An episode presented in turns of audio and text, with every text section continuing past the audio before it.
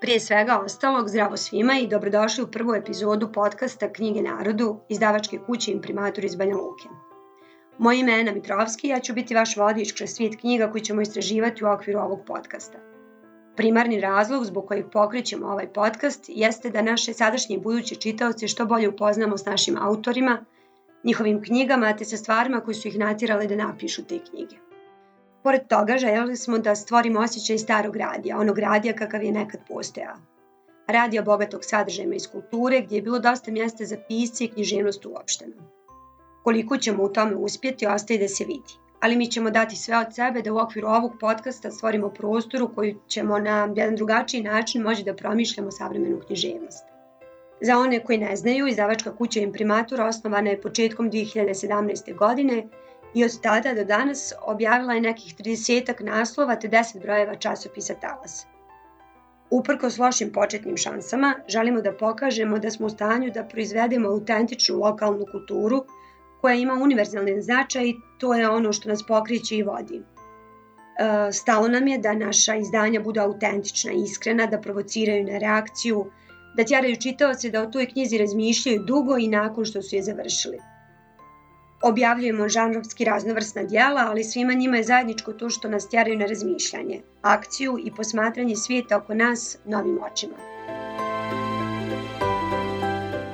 Za sada većinu imprimatura ovog kataloga čine domaći autori, a za ovu prvu epizodu odabrali smo da vam predstavimo jednog od njih. Njegovo ime je Goran Dakić. I sada ću vam pročitati biografiju koju nam je Goran poslao. Goran Dakić rođen je 23. avgusta godine 1984. u Travniku. Diplomirao je na ocijeku za srpski jezik i književnost Filološkog fakulteta Univerziteta u Banju Luci. Radio kao novinar Glase Srpske, Radio televizije Republike Srpske i Euroblica. Dopisnik oslobođenja iz Banja Luke. Bio je dopisnik portala Kliks.ba ili Kliks.ba i dopisnik dnevnog vaza iz Banja Luke radi u štampanim, elektronskim i internet medijima. Autor knjige Dalj, knjige Peto Dinarke i knjige Mrlje na šanku. E, Gorane, ovaj, prije svega dobrodošao u ovu prvu epizodu podcasta Knjige narodu. Dobar dan, hvala vam na pozivu. Nadam se da ste dobro izabrali. Da ste izabrali dobrog sagovornika da otvorite novo polje. Pa eto, ja se nadam. Ja sam čak imala malo i trem prije da ovo sve krene. Znaš kao, pa ne znam kako se pripremiti, kako Aha. to, kako znaš sve, prvi put ja ovo sve radim. I meni ovaj, e, znaš kako, počela bi sa jednim, sa, sa uh, uh, pored toga što sam pročitala tvoju biografiju, bilo mi je zanimljivo zato što ta tvoja biografija je jako kratka. Ljudi inače uh, imaju tu vrstu ega gdje uh, imaju potrebu o sebi da pišu nadugo i naširoko. Između ostalog, uh, ti si mi slučajno poslali svoj matični broj. Jesam, da. I onda sam razmišljala o matičnom broju tvog glavnog lika Željka Niševića. I te sve djece koji su živjeli tih, godi, tih godina, između ostalog, to su nekako vršnjaci tvoji moji, jer smo mi yes. to godište. Mm -hmm. uh, to su te 90. godine, koje su nekako iz nas ovaj, izvadile svašta, a s druge strane su nam i dale svašta. uh, rekla bih ovako da si ti pisac malog čovjeka i velikih sudbina. Uh, takve su tvoje poezija i proza. Napisao si roman Dralj, Dalj, pardon, kao što sam malo prije rekla. Uh, petodinarke, te zbirku kafanskih anegdota Mrlje na šanku. I mi ćemo danas pričati o petodinarkama. Može, ja sam valja spreman. uh, Dodat ću još jednu stvar koja mi je bila baš zanimljiva, pa ću citirati Borisa, koji je e, izdavač tvoj, mm -hmm. urednik imprimaturov.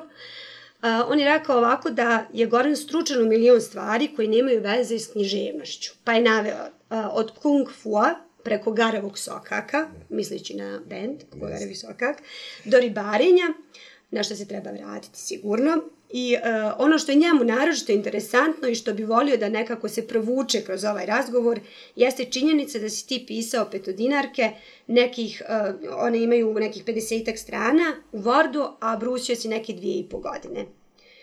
I nekako je rijetko da se vidi takva pisateljska odgovornost. Pa jest. Uh, pisati književnost uh, podrazumijeva zapravo e, sati, sati, godine, godine predanog čitanja. Čitanje opet obrazuje e, čitaoca i obrazuje njegov odnos prema tekstu, kako onom kojeg čita, tako i onog, e, prema onom tekstu koji piše. Ja, pravo da vam kažem, što je možda malo paradoksalno, s obzirom da ja deset godina radim kao novinar, uh, i da radim isključivo u dnevnim medijima, isključivo sam radio u dnevnim medijima, gdje se na dnevnom nivou a, mora a, napisati a, određen broj tekstova. A, s druge strane, jako teško pišem stvari i dugo pišem stvari kada pišem nešto što ima veze sa književnošću, s nečim što nije, a, što nije, što nije novinarstvo. Petodinarke konkretno su zapravo bile priča istog naziva, kratka priča, nekih možda 15 stranica. Uh, I to je zapravo uh, prvo poglavlje petodinarki uh, koje se zove u prvom licu. Tako su petodinarke u početku izgledale. Međutim, ja sam znao da to nije dovoljno i ostavio sam taj rukopis da stoji. I onda mi se samo bukvalno ukazalo, ono, to je taj epifanijski moment, epifanijski karakter književnosti. Uh, kad se samo otvori na koji način treba neki rukopis, kako mu se posvetiti, odnosno kako sad oblikovati tu, tu, tu, tu taj siže, odnosno tu fabulu. Ja strašno volim nelinearno pripovjedanje, kako u književnosti, tako i na filmu. I trudio sam se da radnju petodinarki na taj način strukturiram. Da bude ispričana iz više pravaca, iz više uglova, uh, na neki način posvećujući toj strategiji i toj taktici jednu malu posvetu koja se može odnositi na Dunav, odnosno na te neke rukavce koji dolaze sa svih strana, utiču tu jednu glavnu maticu, koja bi u ovom slučaju bila matica naravno pričanja.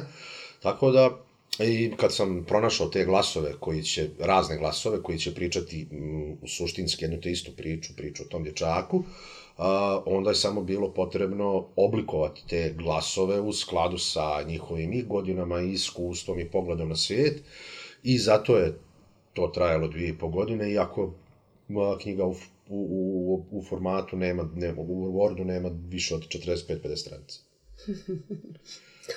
Kao velika knjiga sa malo strana. pa da recimo, ja mislim da je to pošteno napisana knjiga. Uh, E, ja nikad ne bi bio dovoljno ni bahat ni lud da dajem vrednostni sud e, o svojoj knjizi. Ali jedino što mogu da kažem za nju da sam stvarno uh, posvećeno radio na njoj, posvećeno pisao, brisao, vraćao se, uh, iznova pisao neka poglavlja, neka poglavlja sam napisao u više varijanti, pa gledao, birao, pa pasuse koji mi se više sviđaju, koji mi se više manje, koji mi se manje dopadaju, mijenjao mjesta, redoslijed riječi u rečenici, mijenjao redoslijede pasusa, poglavlja, cijelih glava i zapravo to je, zbog toga je taj proces trajao toliko dugo, a sad sama kvalitet knjige, ja mislim da je dobra. Ja mislim Ali ne, da je odlična. Ne, ne, ne više od toga. ovaj, um, kaži mi, ko je Željko Nišević i da li je taj dječak zaista postojao? Pa sve tri moje knjige su zapravo zasnovane na uh, stvarnim likovima, stvarnim ličnostima i mislim da ni u jednoj od tri knjige nisam promenio bukvalno ni jedno ime i prezime. Da, da, da sam ostavio te likove sa njihovim imenima i prezimenima, stvarajući naravno od njih prevodeći ih iz te jedne sfere običnog i svakodnevnog u to u tu umjetničku, u taj umjetnički svijet, u svijet literarnog. Željko Nišić je postojao, on je, čini mi se u petom ili u šestom razredu, mm, došao u naš razred, u osnovnu školu uh, Patrijar Georgije Branković u Dalju. Na pola časa, vjerovatno je još čas bio i matematika, kako se to zna namista, a ne recimo istorija, kako pišu petodinarkama. Uh, I sve ostalo, da ne kvarim sad priču, e, se desilo zaista tako kako kako je opisano petodinarkama. On jeste postao, ja, ja mu jesam dao časove instrukcije iz engleskog, e, jeste išao sa mnom jednom na pet sanje, jeste išao sa mnom na kirbaj i jeste se na kraju otkrilo o njemu to što se otkrilo, da je on bio jedan od tih diskretnih malih heroja, jednog užasnog zlog vremena, jedan uh, heroj o kojem vjerovatno uh, niko ništa i, i, i ne zna. I pretpostavljam da je zapravo to vrijeme uh, bilo puno takvih, takvih likova. Željko Nišević je po svim atributima koje je imao kao dječak bio, uh, govorim naravno, iz vizure djeteta tadašnjeg, Željko Nišić je po svim atributima koje je imao bio dječak dostojan prezira. On je, a, nije znao da igra futbal, nije uh, znao da peca, bio je užasno loš učenik, bio je čutljiv, bio je povučen, mali, debeo, ništa ga živo nije zanimalo, nisu ga zanimali drugari, nisu ga zanimale djevojčice, ali na kraju se otkrilo da je to sve zanemarljivo u odnosu na tu jednu vrstu te neke diskretne akcije u kojoj on spasio vjerovatno život uh, svojoj porodici. I ja mislim da je to naprosto priča o, o, o, ne o jednom vremenu, ne ni o nekim sudbinama, nego naprosto priča o jednom o, diskretnom herojstvu i upravo zbog toga sam ja za moto te knjige uzeo Bulatović citat iz Herojana Magarcu, ja nisam pisac pobjeda gospodine generale, I, I to herojstvo Željka Niševića je zapravo poraz a, jednog naroda zato što o tom herojstvu se ništa ne zna. Svakako. Uh, spomenuo si malo prije djevojčice. Jesam. I to neko e, dopadanje. Jel? Ti si nekako u ovoj knjizi, što se mene tiče, odgovorio na, sva, na sve ovaj, i na ljubav, i na, na tugu, i na suze, i na neke dobre stvari, loše, i čak spomenuo i vaške to su bile ono kao yes. obilježje. Jeste, jeste, jeste. Ti godina. I to se stvarno desilo, ta, to, ta, tako je bilo. Tu ima i djevojčica m, e, Slavica e, Nenić, Nenić, yes. Nenić. E, tu si u fusnotama, što je jako interesantno, stavljao neku vrstu, kako bi rekla, anegdotskih fusnota, gdje uvijek objašnjavaš nešto na vrlo šaljiv način, nimalo vulgaran, ali ovaj, ni pretenciozan, ali vrlo, vrlo zanimljiv kao neku vrstu opaski. Slavica Nenić je neko ko tu dođe kao, um, kako bih rekla, ona je, zapravo je neko ko na kraju razrješava stvar vezanu za Željka Niševića. Pa. I jedna je od likova u Jest. knjizi. Na koji način si birao likove i zašto baš su ti likovi bili nosioci priče Željka Niševića? Pa zato, ponavljam, bilo mi je bitno da priču raspričam kroz više glasova. Da, znači ne bude linearno pripovjedanje, da ne ide, da, da, da, da priča ne teče samo u jednom smjeru, da krene od tačke A do tačke B i da se tu, da se tu sve završi. Onda sam samo tražio modele, glasove, koji će biti dovoljno različiti, a koji mogu da iznesu tu priču sa svim posebnostima svojih malih života bilo je, naravno, očigledno na prvu da i jedna od tih priča ću pričati ja, kao, kao dječak kojim se to sve dešavalo i koji je znao Željka Niševića i koji je na, na kraju krajeva iz cijelog tog razreda je najviše drugovao s njim. Mi smo na kraju krajeva i živjeli blizu tom dijelu dalja tog slavonskog sela. A, onda kada sam razmišljao, prvi mi je na pamet pao taj nastavnik istorije, Bogdan, jer je i on bio izbjeglica i on je došao u petom ili šestom razredu, zamijenivši našu tadašnju a, nastavnicu istorije koja otišla u, u, u, u penziju.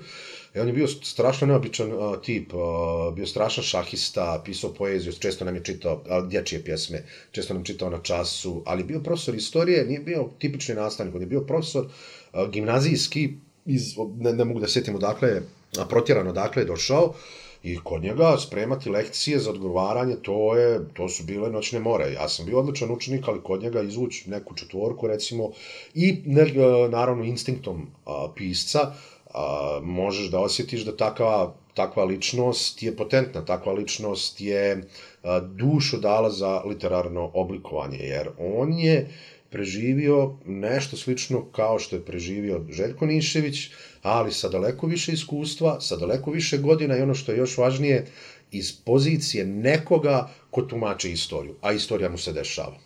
Ostala dva glasa, bilo mi je bitno da imam, želio sam da imam jednu djevojčicu, bio da sam se samo lomio koga bi izabrao iz razreda. Mm, ja te sve djevojčice i dan danas, odnosno sad su to već naravno žene, i manje više znam i gdje su i šta su, jako dvoje ili troje samo, dvije ili tri djevojčice su ostale u dalju, sve se to rasulo po bijelom svijetu.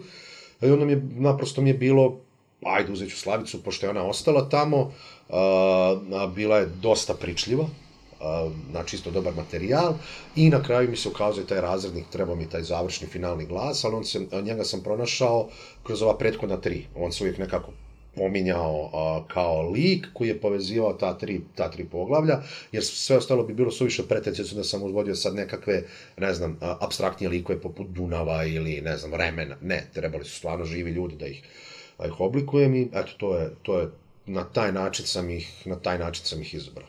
Da li je Slavica pročitala knjigu? Pa ja, pravo da, pravo da ti kažem, nemam pojma. A, ja nju nisam ni vidio ni čuo godinama iako je ona u dalju, iako ja povremeno idem u dalj, nju baš nikako nisam sreo, ali to čak nije toliko ni bitno. Ja sam pod, ubijeđen da mi tata nije radio u pilani, kao što recimo piše u, u petodinarkama, da mama nije radila u opštini, raspoređivala izbjeglice po daljskim kućama. To je sad naprosto to, a, to je a, taj stvaralački postupak kada od nekog uzorka kojeg imate ispred sebe, a, a, taj uzorak oblikujete shodno svojim stvaralačkim mogućnostima, stvaralačkim moćima. Znači, na, jednu, na jednoj bazi koja je potpunosti, a, kako da kažem, trivialna, a, vi pravite nešto što bi trebalo da bude umjetnički tekst. Tako da, iako su sve te osobe a, stvarne, iako su neke pozicije stvarne, a, mnogo toga je naravno unutra fikcija i mnogo toga je raspričano, mnogo više a, nego kako, u odnosu na ono kako se desilo. E, žang, žargonski rečeno, piscima se može. može, ako znaju, može im se. Ali je jako bitno da znaju. A ako ne znaju, onda sve džabe. Svakako. E, recezent tvoje knjige je Saša Šmulja, Jest. e, koji je napisao jednu pravu književnu, ali i drugarsku recenziju, Jest. tako bih to nazvala. I to u jednom dijelu, negdje pred kraj, kaže Knjigu Petodinarke odlikuje pripovjedačko višeglasje i vješto organizovan autoreferencijalni tekst. U njoj se dodiruju i prepliču različite sudbine. Priče i ispovijesti teku doslovno iz nekoliko rukavaca kao prema Dunavu i slivaju prema Željku Niševiću i njegovoj životnoj priči, njegovom diskretnom herojstvu. Uh, Dunav je nešto što se pojavljuje, zapravo je light motiv ove knjige, Dunav i dalj koji si ponovio i, i jedna vrsta tišine. Jer su to sve likovi koji mi ne saznajemo sve moguće detalje o njihovim životima, zapravo to nije toliko ni važno. Um, da li je to sve bilo promišljeno u tvom pisanju? Pa jest, mislim, da. Rijetki su geni koji mogu da pišu bez prethodne neke intelektualne strategije i to možemo da nabrojimo takve na prste jedne ruke. Uh, jedan je Goethe, jedan je Faust, ne znam šta, kako bi pisao bez, bez, bez razmišljanja onome o čemu pišem. Naravno, neka rješenja dolaze sama, uh, nametnu se. Neka rješenja se pojave iznenada, ali generalno strategija pisanja i strategija stvaranja tog svijeta kojeg stvarate mora biti dobro promišljena. Jer pisanje mora biti logično, mora biti logičan proces možete vi da napravite dekonstrukciju potpunu, ali ona mora biti smislena. Možete vi da napišete roman bez romana i a, dramu bez drame. Na kraju krajeva a, postoje klasični tekstovi koji uh, koji su zasnovani na tome, ali i to mora imati svoj smisao i svoju e, logičku cijelinu iz koje ne smije da iskače. Tako da naravno da jesam ja, razmišljao o, meni je stra, strašno bitno kad se vraćam tim slavonskim temama, a, da kroz njih uvijek protiče Dunav. Da, ono, Dunav je, jednom sam intervjuisao Baneta Krstića i on mi je rekao super, znaš, ono, kao, Dunav je more koje teče i slova bez knjiga. I, knjiga bez slova. A, knjiga bez slova i od koje, iz koje možeš mnogo, mnogo, mnogo da naučiš o životu. Ja sam uz Dunav živio jako kratko, to je možda nekih 6-7 godina, ja dugo, tri ili četiri puta duže živim uz Vrbas, živim u Banja Luci, ali um, naprosto je uh, ima ta neka izreka, kažu, ko se jednom napije kao daljske vode, do kraja života želi samo da pije tu vodu, odnosno ne može nikako drugačije da ugasi žeć. I sad, bez obzira na to što ja već tamo dugo ne živim, nikog više nikog nemam, pa, osim par drugara, uh, kad pišem, i kad ne znam šta bi sa sobom kad pišem, eh, ja se samo spustim na te kamenjare dunavske, na dunavske sprudove, prošetam tim daljskim sokacima i mnogo lakše i brže nalazim i rješenja i jezik i likove i na kraju krajeva sam proces pisanja teče onda moćno i polako, recimo kao Dunav. A, šta misliš da li bi isto tako pisao da si ostao tamo? I da li bi imao tu fascinaciju uh, Dunavom kao što imaš sada? Hm. Dunavom sigurno. Dunavom sigurno bi imao fascinaciju. Da li bi pisao, ne, ne, ne vjerujem, zato što dalj, moja prva knjiga je nastala na ruševinama tog uh, svijeta koji je ostao iza mene kad sam ja otišao iz Slavonije, 98. godine, kad sam došao u Banja Luku. Ja sam po dolasku u Banja Luku iako sam bio klinac, uh, nespretno pokušavao da napišem uvijek nešto što bi se moglo zvati knjigom, a što bi me vratilo taj svijet i u to vrijeme, međutim sve je to naravno bilo traljavo, uh, onako gotovo spomenarski. Eh, Dalje se naprosto desio kao knjiga, jer to su zapravo bile kolumne koje sam napisao jednom dnevnom listu, pa kasnije te kolumne malo proširivao, dopisivao nove, uobličio ih u jednu cijelinu, tako da, mm, da Dunav je a, fascinantan bez obzira na to da li pored njega živjeli jedan dan ili se, od 7 godina ili 77 godina. A, u Dalju živi i radi jedan od najboljih srpskih pjesnika savremenih, Đorđe Nešić.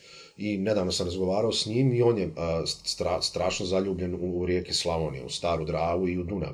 I on mi kaže, kaže, ja čitav život a, a, pokušavam da shvatim suštinu te riječne magije koja postoji.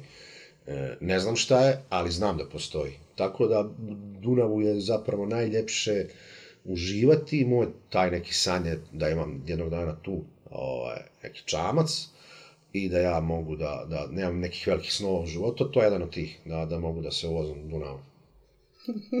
I, I da pecaš. I da pecam, da to je jedna od stvari koja mi najviše nedostaje. Ne pamtim kad sam zadnji put bio na, na pecanju, ja sam u djetinstvu, u dalju, kad sam živio, živio na samoj obali Dunava. Moja kuća je bila udaljena od Dunava 10 metara.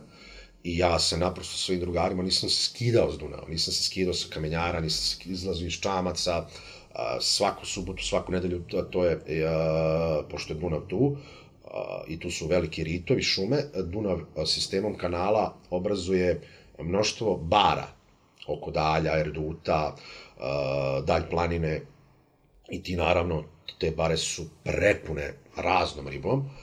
I nama je to bilo zapravo, je, to, je, to je bila naša biblioteka, to je bilo naše kino, mi nismo išli u bioskop, nismo išli u pozorište, mi smo išli na pecanje. I ja sam tad, kad sam bio zapravo na pragu najvećih a, tajni učenja tog zanata, kad sam trebao da učim a, gdje koji vir postoji, gdje je smuđ, gdje je kečiga, kako je najlakše uvati soma, ja sam tad otišao, ali nisam zaboravio tu magiju, jer ja sam prve pecaroške korake naučio sa dedom i sa ujakom, a to uh, dovoljno senzibilan čovjek nikad ne može da zaboravi, nikad ne može da izađe iz njega, tako da to mi je jedna od stvari koja mi najviše nedostaje o kojoj ne razmišljam. Kad razmišljam, odmah me to malo, onako što bi rekli mi mladi, ubedači. um, ovu knjigu, pored, uh, po mom mišljenju, stvarno dobrog teksta, šta više odličnog, ja, meni se baš da opala knjiga, um, čine ilustracije. Jeste. Hoćeš mi nešto više reći o tim ilustracijama kojih, kojih je radio? Pa ta knjiga je zamišljena uh, da bude, što bi rekao moj drug, uh, jedan uh, reditelj Hranović, da ima određeni kontekst, iako se ja grozim te riječi. Uh, recenzenti? Pa zato što smatram da previše žrtvujemo, uh, žrtvujemo svoje stvaralačke napore kontekstu. Kontekst ne mora uvijek da se podrazumijeva, on može sam, sam, sam sebe da rodi. A, ali da ne dajem sad o tome, u svakom slučaju, ja kad sam pisao petodinarke, pošto imprimator je zapravo to je drugo izdanje e, petodinarke. Prvo izdanje je objavila Srpsko e, kulturno društvo prosvjeta iz Zagreba. I meni je bilo bitno da tu priču, koja je u nekom najširem pojasu i priča o Srbima u Hrvatskoj, objavi neki izdavač u Hrvatskoj po mogućnosti srpski. Uh, I to se desilo sa Srpskim kulturnim društvom prosvjeta, oni su prihvatili rukopis i objavili. E, onda je bilo da treba da nađemo recenzente, A, potrefilo se da su obojica recenzenata koje sam ja tražio zapravo bili srpski pisci iz Hrvatske. Na Mirko Demić koji je 90. godina pobjegao iz Like i a, sad živi u Kragujevcu i Đorđe Nešić kojeg sam malo pominjao koji dalje a, živi i radi u Hrvatskoj. A, desilo se da, pošto je u suštini to knjiga za djecu, odnosno što bi rekao kiše za djecu i osjetljive, a, desilo se da Mm, samo je bilo kao ideja da bi mogle da se pojave neke ilustracije. Moja sestra je uh, akademski slikar, odnosno akademski grafičar, i ja sam je zamolio da, na, na, da, da nacrta desetak ilustracija, shodno tekstu gdje ona zamisle da bi mogla najbolje da se ostvari. I ona je to uradila i što je najljepše od svega, te ilustracije ona uradila grafitnom olovkom, tehničkom olovkom, što smo mi nekad zvali pumparicom, koju smo mi u selitbi donijeli iz dalje, jednom malom zelenom koju sam ja imao kao klinac u školi. Tako da je ta knjiga dobila taj puni daljski, slavonski značaj u, u svakom, svakom aspektu. Ona je od prve ideje pa do štampanja doživjela zapravo ono što sam ja želio, a da ona bude u potpunosti na neki način vezana za taj, za taj, za mene, taj mitski prostor istočne Slavonije, odnosno tog, tog, tog podunavlja, odnosno još konkretnije tog, tog sela dalje. Koji učio si sve. pa jes, jes, trudio sam. uh, uh, u ovom izdanju koji sam ja čitala, to je imprimaturovo izdanje, na toj nekoj, nije nekoj, nego precizno 113. strani, nalazi se jedna svojevrsna zahvalnica svima koji su radili na uređivanju ove knjige. Pa da li bi ti meni to prokomentarsao? pa ja sam želio da ta knjiga bude duhovita. Na, momente, na, na mjestima gdje treba da bude duhovita, jer duboko vjerujem da je humor a, da roman i proza zapravo izviru iz duha humora. I meni je to bilo strahovito bitno na nekim momentima, naravno kao što mi je bilo s druge strane bitno da odem u onu drugu, u onu drugu krajnost i da uh, od čitalaca dobijem uh, reakciju koja je potpuno drugačija od smijeha. Uh, I te male intervencije, te male protetičke intervencije, kao što su te fusnote koje se već pominjala ili taj rečnik na kraju i na kraju kraja taj spisak uh, ljudi koji su, eto, recimo, na neki način vjerovali u to što ja pišem, uh, su došli kao dio te ideje. A, ništa, ništa, to sad nije ni spektakularno, pogotovo što sada pravim taj spisak, taj spisak sad vjerovatno izgledao drugačije. Neki ljudi sa tog spiska ne bi više bili na njemu, a neki bi bili. Ali on je samo zamišljen kao, naravno, kao moja apsolutno zahvalnost nekim ljudima, A, I kao jedna mala intervencija, eto da to bude jedno a, malo, nadam se ne suviše pretenciozno oneobičavanje knjige. Ja ću se vratiti samo još kratko Možemo. na to. A, ima ovaj dio gdje se nije dio, nego prosto... a, Da, gdje si napisao po motivima priče, film je film snimio Nemanja Savanović. Je li taj film snimljen? Ne, naravno da nije, nego Nemanja Savanović je moj najbolji prijatelj a, koji je koji studira, studirao je, studira filmsku režiju. A onda je to samo bilo eto jedna mm, duhovita posveta ovaj njemu. Eto, ni ništa, ništa, ništa drugo, jer ja sam potpuno svjestan da je za film treba jako puno para da bi se snimio, pogotovo takav film. Uh, pogotovo film sa puno djece, jako film koji bi se, uh, ako bi se mene pitalo, morao da se snima tamo gdje je napisano, da bi to sve imalo smisla. Tako da, to je samo bilo, eto, jedna mala duhovita posveta i ništa mi, ništa mi od toga. Stižeš da gledaš filmove? Malo prije si pomenuo da voliš da gledaš filmove. Da, ja sam zapravo, ja sam svoj, kako kažem, umjetnički habitus podijelio na dva dijela. Na jednoj strani je književnost, na drugoj filmovi. I ja podjednako volim i jedno i drugo. I imam taj neki ritam koji podrazumijeva da recimo dva, tri mjeseca mogu da uh, manijakalno čitam, da imam ogromnu koncentraciju uh, i onda naprosto se zamore i, i oči i, i, i tijelo i um, e onda dolazi period kad gledam filmove. Tako da ja ili mogu da čitam dnevno, zavisi opet šta, i zavisi u skladu sa obavezama, mogu da čitam puno, ali s druge strane mogu da gledam i puno filmova. Znači, može se desiti da pogledam dva, Izvin, kako stižeš to sve? Ti si, ja to moram da kažem, ti si i suprug, Jesam. i novinar si, Jesam. radiš i dalje kao novinar, Aha. i lektorišeš, Jest. i, i rektorišeš. I treniram svaki dan. I treniraš kung fu. I to mi je super, kako se uspio taj sportski duh, to sve, znaš, ono, to je nešto što je aktivan si, uglavnom te da me neko pogrešno ne shvati. E, ima jedna vrsta, kako bi rekla, predrasude gdje ljudi koji su u sportu su samo u tome.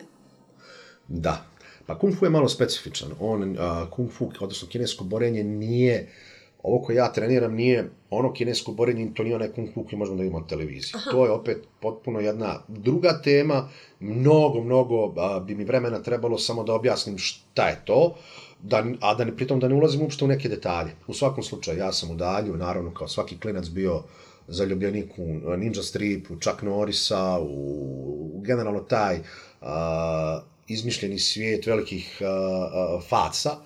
I kad su dalje otvorio Jiu-Jitsu klub, ja sam, ja mislim, sam bio prvi koji se učlanio, bukvalno da sam imao člansku kartu na kojoj je pisalo broj 1. I kad sam došao u Banja Luku, uh, tio sam da nastavim to nešto da treniram, pa sam počeo karate, pa to je nešto traja, trajalo kratko, ali a, kad trenirate borilačke sportove, borilačke vještine dođete do nekog momenta kad saznate da li to na, na, na potpuno racionalan način, da li to što vi trenirate ima smisla ili nema smisla. Pričam o tuči, znači pričam o borbi na ulici, o borbi u ratu, da li to ima smisla ili nema. E, ja sam taj smisao i tu logiku o, pronašao jedino u, u, u kung fu. Ja sam to davno, ja se kung fu bavim 15 godina. Treniram, a, ali kung fu ne traži ako nećete da budete takmičar. On od vas ne traži da vi morate da imate pločice, da morate da imate neku strašnu kondiciju. On traži da vi znate da udarite i da završite priču. Pa vještinu zapravo. Znači, to je, po kung fu koji ja treniram, oni kinezi smatraju to svojom ratničkom vještinom kondicija bi naravno meni bila potrebna da imamo ratove u 50.000 na 10.000 sa sjekerama, ali toga više nema. Tako da, a vrijeme samo, u suštini ja malo spavam, što me jako nervira, jer volim da, volim da spavam, o, i onda jedino tako mogu da to sve nekako ukomponujem. Ali naravno nije svaki dan da ja gledam film, svaki dan da, jedino što svaki dan radim, to je jedino svaki dan treniram. e pa dobro, bravo ti za to. Um, O, na početku knjige ti imaš posvetu Kapetanoviću. Yes. Je li to pjasnik u Bori Kapetanoviću? Yes. Zašto baš njemu? e, zato što je a, Boro Kapetanović prije svega moj veliki do, i dobar drug. A, zato što je Boro Kapetanović jedan od rijetkih pisaca u Banja Luci koji za sebe ne tvrdi i ne misli da je klasik. Zato što je Bora Kapetanović čovjek koji je meni preporučio 20 knjiga za koje ja nikad nisam u životu čuo, a koje bi dan, dan danas stavio na recimo neku listu kad bi ja pravio 30 omiljenih knjiga, 20 bi bilo koje mi on preporučio. Zato što je to čovjek koji, a, ako postoji osoba koja je a, manijakalno zaljubljena u književnosti, koja čita sve od najvećeg smeća do najboljih dijela, to je Boro Kapetanović. Na kraju krajeva, zato što je Boro Kapetanović uh, govorio na mojim promocijama i kad smo pravili promociju Dalja u Dalju i u Banja Luci, zato što ja naprosto imam povjerenja da on zna da prepozna književnost, ali prije svega Boro Kapetanović, moj drug, ja njega strast mnogo volim i uh, smatram da je on uh, istinski pjesnik koji za svoj talenat jako malo mari, uh, mnogo više o njegovoj poeziji brinu drugi nego on. Ali ja mislim da je on istinski pjesnik uh, i da bi, da bi 95% banjalučkih pjesnika dušu prodalo ili Bogu, ili đavlu, ili obojici, da mogu da napišu jedan katren kakav on može da napiše. Najbolji uh, Kapetanovićevi katreni, svi banjalučki pjesnici da sjednu i da im date projekat, uh, za godinu dana ne bi to mogli da napišu. A, zato Kapitanović. Što vi za mog odgovora bi se dalo da sluti da ja nešto ne volim Banja Lučke pjesnike, ali mogu vam reći da ste potpuno upravo. Kao to je bilo moje drugo pitanje. Vratit ćemo se na Banja Lučke Može. pjesnike, tu, tu sam ostavila za kraj. Može. Um, šta čitaš? Ti spomenuo si neke, da, da, da si dobio uh, kao 20 omiljenih knjiga koje bi ti bilo, to ti preporučio Bora Kapetanović. Koje su to knjige u pitanju? A, pa ako bi birao te omiljene knjige, a, to bi recimo bio a, a, Sivac i ja, to je sad nedavno objavio imprimator Jimenezov. A, e, to bi bio čovjek koji je čitao, zaboravio sam naslov, što je užas. A, to bi bio recimo a, moment, pukovniku nekako da piše Markesov, to bi bilo... A, Šljiva sa nož sinkom Branka Letića, a, to bi bila tuđa žena Žike Lazića, dijela koja su po svim parametrima klasici, i to ozbiljni klasici, to je vrhunska književnost.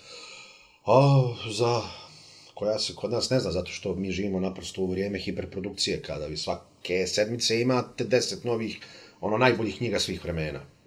A zapravo prava književnost je prestala da postoji. Ona će se vjerovatno opet nekad pojaviti. Ali, umjesto to, da čit, ako morate da izaberete da, da, da, da prvi put čitate Vladimira Kecmanovića ili da šesti put čitate Pekića, uzmite šesti put čitajte Pekića, nećete pogriješiti ništa. Znači, šesti put će vam Pekić 300 novih stvari otkriti, prvi put vam Vladimir Kecmanović neće otkriti ništa. Ni drugi, ni treći, ni četvrti put. A, uzeo sam Pekića namjerno, Kecmanovića slučajno. Kecmanovića možete da zamijenite sa gotovo bilo kojim mladim ili ne tako mladim savremenim srpskim piscem i dobit ćete isti rezultat. Vjerujem, sa izuzetkom možda Gorana Petrovića, basare, ali ne uvijek basare, tako da ja sam e, uh, opredjeljen za to. Toliko toga ima napisanog i prije svih ovih sad naših savremenih klasika koji misle za sebe da su, eto, baš su oni ti, to, oni su Man poslije Mana, Borges poslije Borgesa. Toliko toga ima napisanog. Samo Pekića da pročitate, recimo, ovo što je do sada objavljeno. Kompletnog Pekića koji je do sada objavljen, vama treba godinu dana. Zlatno runo samo ima 3-3,5 hiljada strana. Jesi uspio da pročitaš Jes, zlatno? jes, za vrijeme, za Ja s- vrijeme COVID-a. Da, za vrijeme COVID-a. Je svaka ti čast. Ja sam pokušavala u nekoliko navrata i dođem do, ne znam, treće knjige i to je to. Ali prosto, nije priča o meni. Da, ali Ovaj. ima, postoje čitaoci koji ga kažu, a, koji su nekoliko puta čitali Zlatno runo, a, i jedan od tih je a, komentarisao na blogu koji vode Ljiljana Pekić, a, da je, kad prvi put čitaš, da je najbolje pročitati za, zadnju knjigu, sedmu knjigu, tu mitsku knjigu, koja ti zapravo otključava onih prvih šest. Jer Aha. ti pa, tek čitanjem sedme knjige, koja je parodija antič, ovog helenskog mita, Da. a u potpunosti shvataš zašto je pisao, zašto je Pekić pisao prvih šest. Tako da, ja ako bi se usudio nekad ponovo da čitam Zlatno runo, čitao bi ga tako. Prvo bi pročitao zadnju knjigu, a onda ovih, ovih prvih šest. Da, tako da, dragi slušalci, ukoliko da se uhvatite u koštac sa, sa Pekićevim runom, znači prvo sedma. Recimo. Um, da, ja bih se sada vratila, pošto smo otišli skroz predaleko, znaš, ja sam imala neki koncept koji je išao, išao, išao, onda smo otišli, ali ovo mi je zanimljivije. Tako je to sa, tako je to sa pričanjem. Uh, spomenuo si mlade pjesnike. Jesam. Um, činjenica je da sve više je mladih pjesnika, ne samo u Banja Luci, nego na, kako bi rekla, to je regionalno. Regi, regionalno je krenulo, pa se pojavljuju i festivali, između ostalog eh, su, imaju bio u Banja Luci je bio festival uh, Imperativ, pa imaju drugi festivali i u Sarajevu i kaži mi tvoje mišljenje o svemu tome. O čemu? Mladim pjesnicima ili o festivalima? I o festivalima književnim, i o mladim pjesnicima, i da li ima neko koga ti, eto, kako bi rekla, koga ti čitaš i smatraš da je Pa ima zaista naravno. pjesnik. Ima naravno, ima, ima, ima, ima super, odlične poezije, odličnih knjiga, uzmite, čitajte Mirka Vukovića, ovaj, uzmite Predraga Bojića, Branimira Kršića, Dejana Babića iz Dervente, Milana Nikolića iz Bijeljine, Slobe, Slo, Slobodana Jovića iz Lopara, ali to su sve pjesnice, znači to su sve ljudi koji pišu pjesme. Prozaista je jako malo, dobri prozaista, ja mislim da gotovo i nema u Republici Srpskoj. A, dobrih proznih knjiga možda se nađe, nije to, nije to tako teško, ali ovaj, a, zašto sad svi pišu? Zato što prije 40 godina, a, vi kad napišete pjesmu, ona mora biti, a, ne mogu reći remek djelo, ali ona mora biti dobra da bi bila objavljena u časopisima, koja je bilo jedina oglasna tabla za pjesnike tog vremena.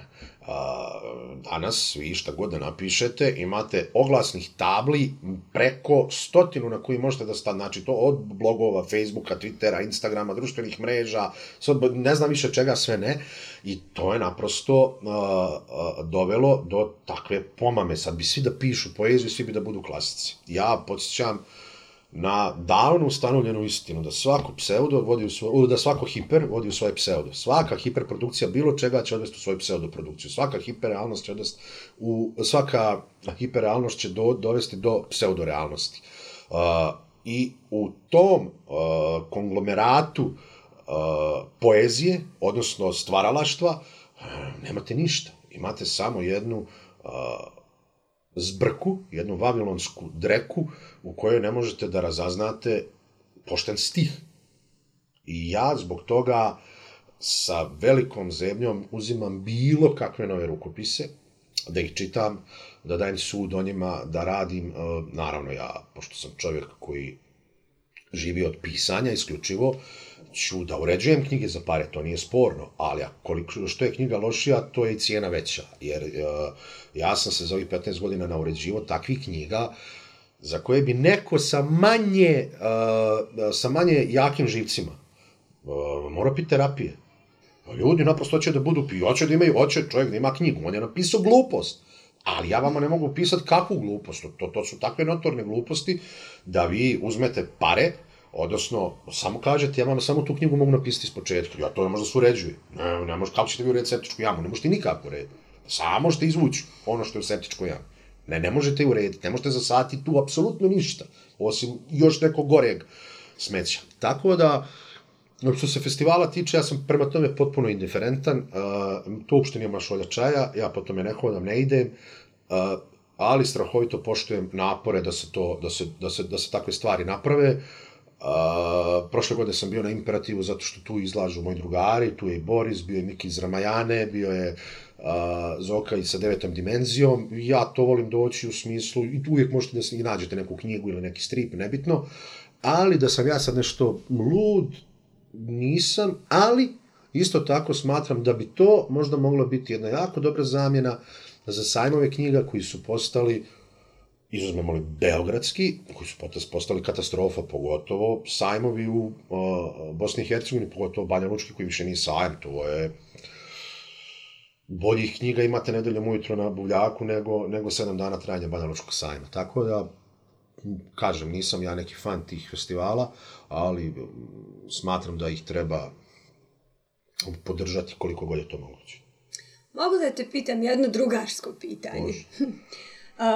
s obzirom na tvoju oštrinu i na to da si ti neko, koliko dugo ja pratim opet tvoj rad, uh, vrlo oštar na jeziku. Yeah. I da li te to koštalo i koliko te koštalo u tvom radu, u životu? Pa znaš kako, to je, uh, ako jeste, nije za priču. Zato što napraviš izbor i u startu kad si napravio izbor, otprilike znaš i kakve mogu biti posljedice. Ne znači da će one biti uvijek takve. Ali ja sam strahovito zadovoljan a, svojom pozicijom u odnosu na samog sebe. Meni to a, dozvoljava da mogu da kažem ono što mislim, ali ne smatram da je to sad neka velika privilegija, niti da ja pravim neko a, herojstvo u ovom vremenu, sad što ja smijem da kažem ono što mislim. U suštini, govoriti ono što mislite ne treba uvijek i ne treba svugdje. Zašto? Naprosto zato što neko da vas čuje.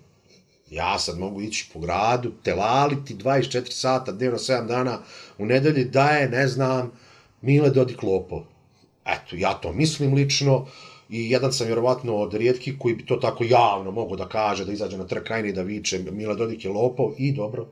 Šta, sp, imati sposobnost da govorite ono što mislite nije uvijek, ne mora uvijek biti vrlina, ako to ne znate da artikulišete u pravom trenutku, u pravom vremenu, na pravom mjestu, to često zna biti ludost. Mislim da je Selimović sve o tome napisao, utvrđe. Rekao, je stavio tačku na to. da, da, da. da.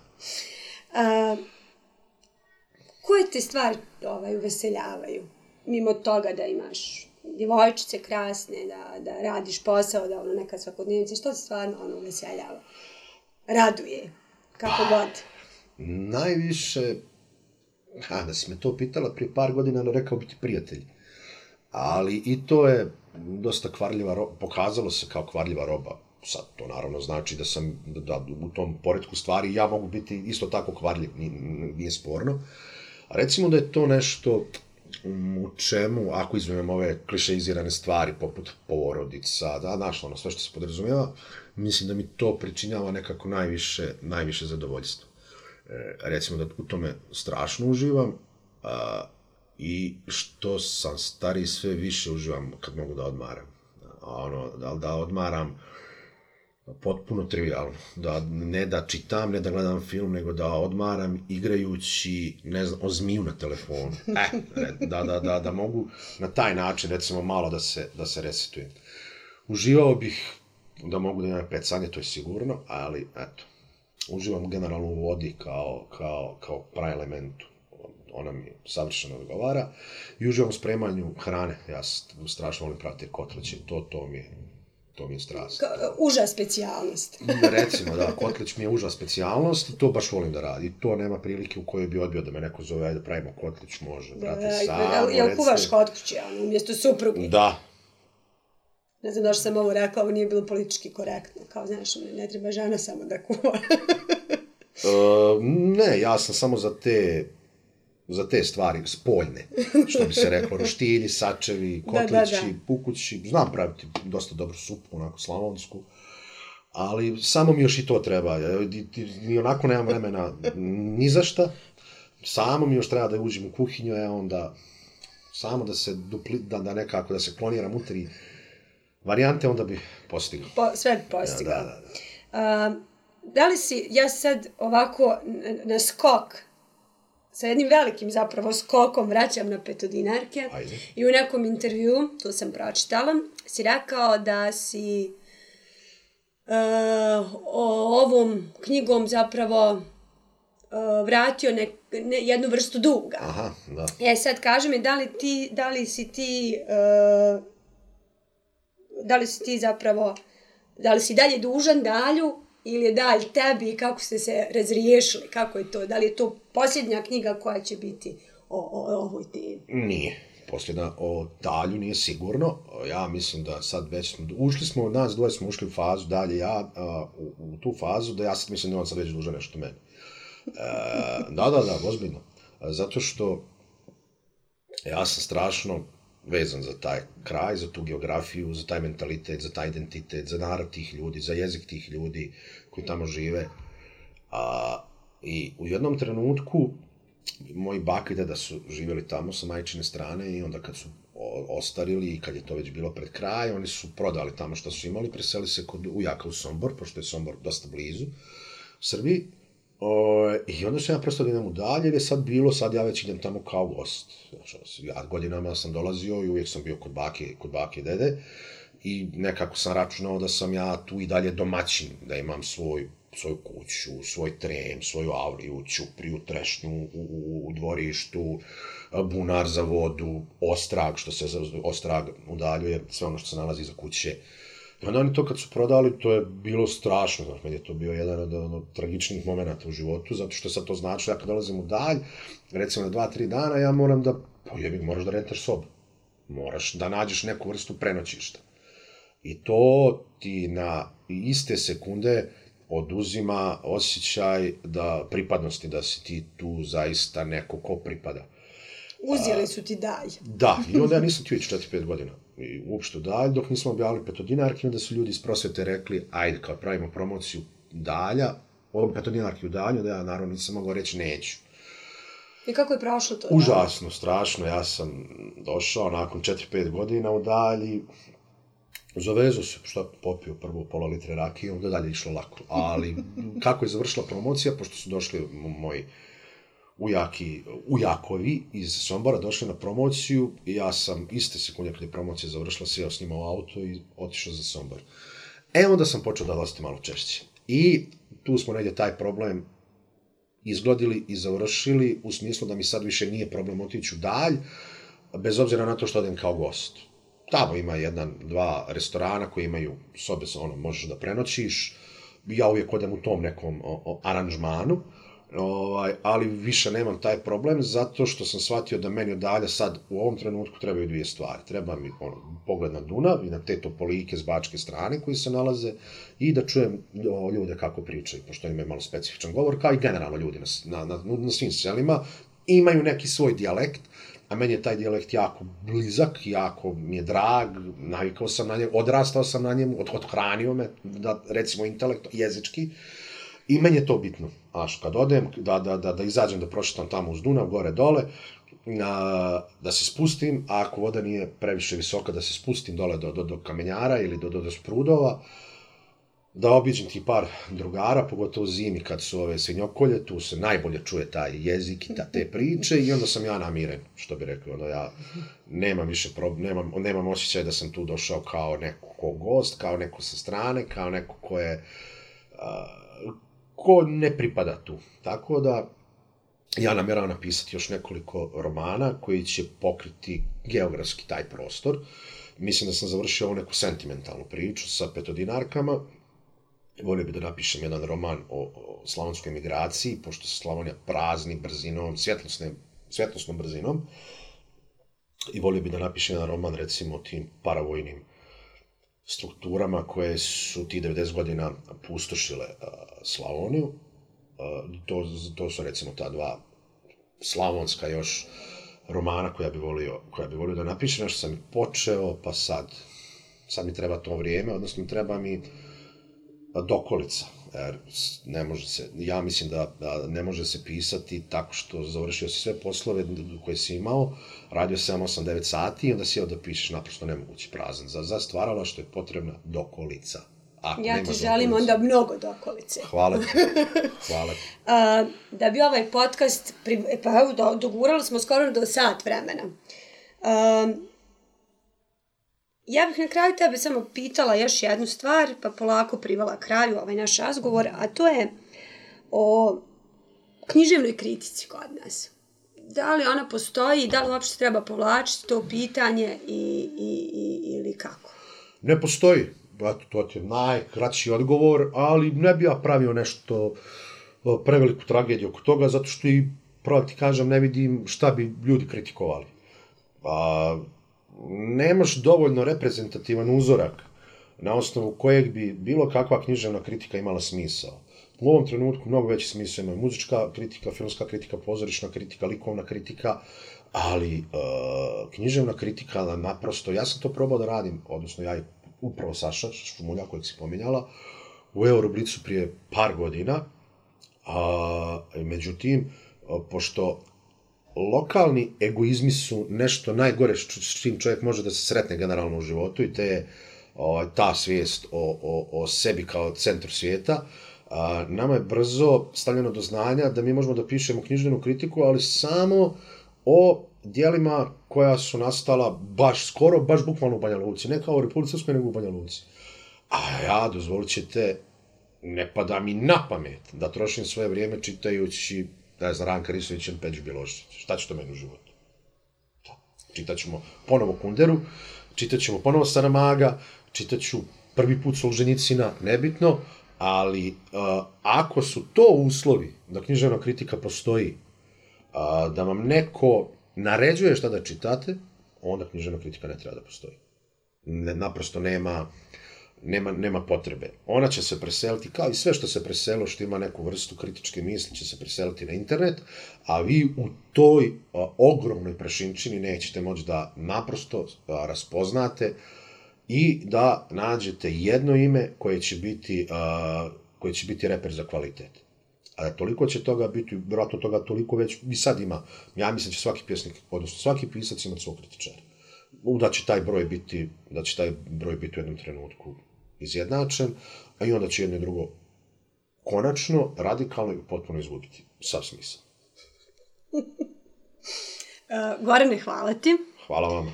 Ja ti želim što više do okolice. Uh, želim ti da se odmoriš. Hvala. Da ovaj naš prvi podcast uspije i da pričamo o nekoj drugoj knjizi i sa nekom drugom temom.